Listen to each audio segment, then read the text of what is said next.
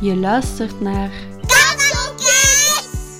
de wekelijkse podcast van Kattenbox voor iedereen die op ontdekking wil gaan doorheen het katholieke geloof en zo wil groeien in geloof en heiligheid.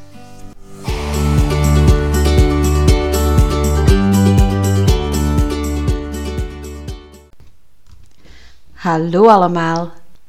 We beginnen deze aflevering met een kort gebed aan de heilige Michael, omdat we aan het einde van deze maand zijn feestdag vieren.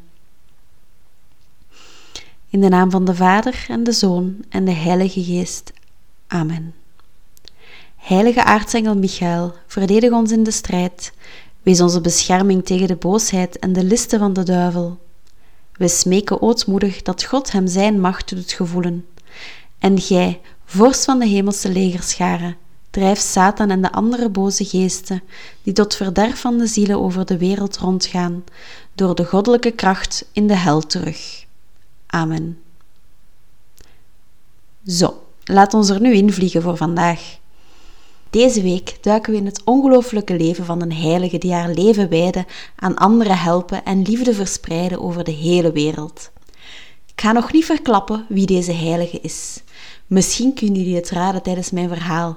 De enige tip die ik al wil geven is dat we haar feestdag vieren deze week, op 5 september, en daarom willen we vandaag eens een duikje nemen in haar leven. Op 26 augustus in het jaar 1910, dat is dus meer dan 100 jaar geleden, werd er een meisje geboren in de stad Skopje. Die stad ligt in een land dat Noord-Macedonië heet nu, en op de wereldkaart kan je dat vinden boven Griekenland. Haar ouders noemden het meisje Agnes en ze doopten haar de dag na haar geboorte al.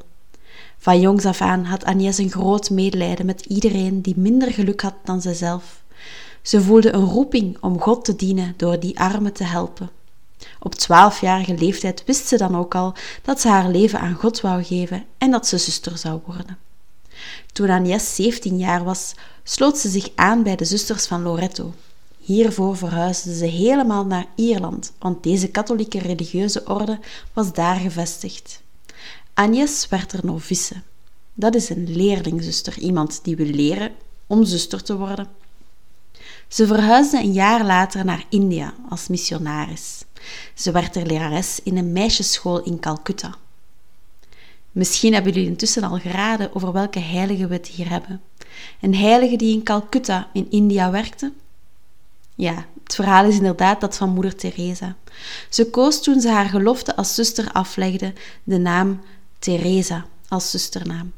Deze naam koos ze omdat ze wou dat haar naam leek op de heilige Theresia van Lisieux, die de patroonheilige van missionarissen is. Zo toonde moeder Teresa dat ze haar leven volledig als missionaris wou leven. Zuster Teresa werkte vele jaren hard in de meisjesschool in Calcutta, maar haar hart werd aangetrokken tot iets groters.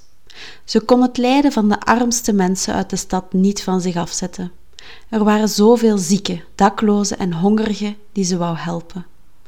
Binnen de missie van de zusters van Loretto kon ze dit niet doen, dus richtte moeder Teresa een nieuwe orde van zusters op, de missionarissen van naaste liefde. Deze orde legde zich toe op het helpen van arme, zieke, wezen en stervenden.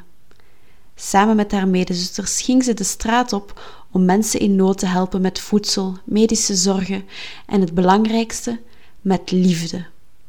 Ze zorgde voor iedereen. Alle mensen werden bij hen ontvangen met open armen, ongeacht van waar ze kwamen of wat ze in het verleden al gedaan hadden. Moeder Teresa zei ooit: Verspreid liefde overal waar je gaat. Laat niemand naar je toe komen zonder gelukkiger weg te gaan. Haar werk draaide niet alleen om fysieke hulp, maar ook om vreugde en hoop brengen aan zij die zich vergeten voelden. Wist jullie dat moeder Teresa veel prijzen ontving voor al haar harde werk? De belangrijkste was de Nobelprijs van de Vrede. En die kreeg ze omdat ze steeds aandacht bleef vragen voor de problemen van de armen. En omdat ze steeds weer anderen probeerde te inspireren om die armen te gaan helpen. Maar weet je wat ze zei? Ze zei dat de prijs was voor de armen, de hongerigen, de naakten, de daklozen, de blinden, de melaatsen en alle mensen die zich ongewenst, ongeliefd, onverzorgd voelden in de samenleving. Ze gaf de prijs dus aan de mensen die ze dienden.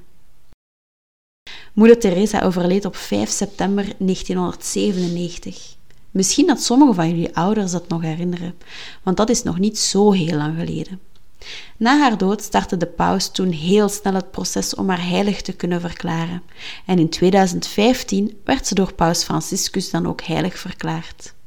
Haar missionarissen van naaste liefde blijven mensen over de hele wereld helpen. De orde groeide uit tot meer dan 4500 leden en ze was al actief in 133 landen. Je kan de leden van deze orde herkennen door hun kledij. Ze dragen namelijk hetzelfde witte Indische kleed met blauwe lijnen, de witte sari, zoals we die kennen van de foto's van Moeder Teresa zelf. Waarom vertel ik nu dat verhaal van Moeder Teresa vandaag? We vieren deze week haar feestdag op 5 september, maar er zijn ook veel andere heiligen die we deze week vieren. En alle heiligen zijn een voorbeeld voor elk van ons.